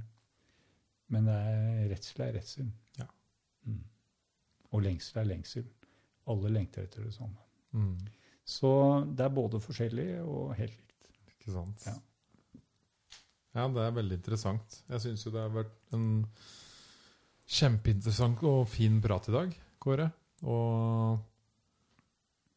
det jeg tror mange kommer til å lære, da ikke sant? Zen er et sånt ord for mange som det ikke Hva, hva er det der ikke sant? Hva er det ordet? Hva er det det betyr? For det, man klarer ikke helt å ta fatt i det. Mm. Men den måten du har forklart på, gjør det at det passer litt mer da, inn i livet vi lever her i Mm. dag. ikke sant? Vi lever jo ikke ute i skogen i Vietnam eller i, en, i et tempel i India. Nei.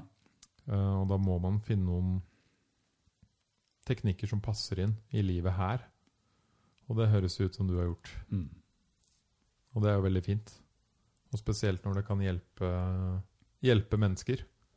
Og så er det jo egentlig, egentlig ganske enkle ting du snakker om, ikke sant? Det er enkle grunnprinsipper. Ja. Jeg kan jo også nevne da at jeg tror veldig på dette med fellesskap. Å bygge fellesskap. En familie er jo et fellesskap. Så vi er liksom atomisert, vi er splitret. Hele samfunnet er splitret opp i sånne små bestanddeler. Veldig mange bor eh, alene. Halvparten av Grünerløkka-leilighetene bor jo én person. Eh, Selv familien er i oppløsning. Jeg tror Norge er det landet med mest folk som bor alene i verden. I forhold til folkemengden. Selv kjernefamilien består kanskje av tre personer, kanskje to. Man er skilt, man har ett barn på deltid. Man, så hele samfunnet er atomisert, og vi løper rundt og skal liksom være vellykkede og ha det gøy. Men hele dette med fellesskap er for meg nøkkelen for glede, men også nøkkelen for en indre reise. Skal vi greie en dypere indre reise, så trenger vi også hverandre. da. Så en ting jeg har satset stort på, er å bygge fellesskap. Så det vi har gjort i Zen coaching, er ikke bare å lære bort en metode, men vi bygger et fellesskap. Så nå er vi 500 mennesker fra 20 land som har gått en sånn ettårsreise. Og vi et ekspanderende internasjonalt nettverk av venner som hjelper hverandre, gir hverandre gratis coaching, samarbeider, lytter til hverandre, deler. Du kan finne en sofa og bo hos hverandre gratis. Altså, vi skaper et internasjonalt vennskaps- og støttenettverk. Og vi ekspanderer det ut på forskjellige måter. Vi skaper nye former for fellesskap. Ikke tenke bare jeg, jeg og mitt, min mindfulness og min fred og min mening, men tenke vår, da. Oss, vi sammen. Mm. Så det er også en satsing. Og da har jeg også startet et online community som er åpent for alle. Så det er også noe jeg tror veldig på. Da. Så hvis lytteren er nysgjerrig på det, så, så er det bare å sjekke ut. Ja, hvor er det lytterne kan sjekke deg ut? Ja, det er hjemmesiden, da. Zencoaching.com. Zen-coaching.com. Mm. Der er hovedkanalen. Og så er det da til online community, som er Patrion. Patrion.com slash zencoaching. Og det tredje stedet er nå en, en ny app som en kompis av meg har laget, som heter Relove. Uh, RE-love. Relove. En gratis app. Og der er jeg også inne med en del eh, ganske mange undervisningsvideoer gratis, helt gratis. Så det er tre gode veier. Jeg har jo da en coachutdannelse en gang i året. Begynner neste utdannelse i januar. Begynnelsen av januar. I Sverige. Jeg har utdannelse i Polen, i Sverige, i Da Sør-Afrika. blir man utdanna Da blir man sertifisert coach i det internasjonale zen-coaching-nettverket. mm. Mm. Spennende, da. Og der eh, kommer det folk fra over hele verden. Ja, det kommer fra mange land. Nå er det jo litt reisebegrensninger. Ja, det reisebegrensninger. annet. Men eh, det, kommer, eh, det kommer folk fra mange land. Ja. Mm. Veldig fin og veldig dyp indre reise. Ikke bare at man skal lære å hjelpe andre, men det er mer en, først og fremst en dyp personlig transformasjonsreise. Ja. For det er jo det de fleste coacher jeg har snakka om, snakka med, sier. De må jo først ha hatt den reisen selv. Ja. Og så kan de lære det andre. Ja, ja. Tusen takk for at du kom på besøk i dag, Kåre. Det var helt uh... Veldig hyggelig. Takk for mange fine refleksjoner, spørsmål, og Ja. dialog. Så håper jeg vi ses igjen en dag, om det er her eller på Zen-coaching-kurs eller Ja. Zen-kurs eller Du eh, er meget velkommen. Tusen takk. Og dere som lytter her ute, får jo bare kontakte Kåre eller sjekke ut nettsiden hans. Yes. zen-coaching.com. Ja. Yes. Tusen takk.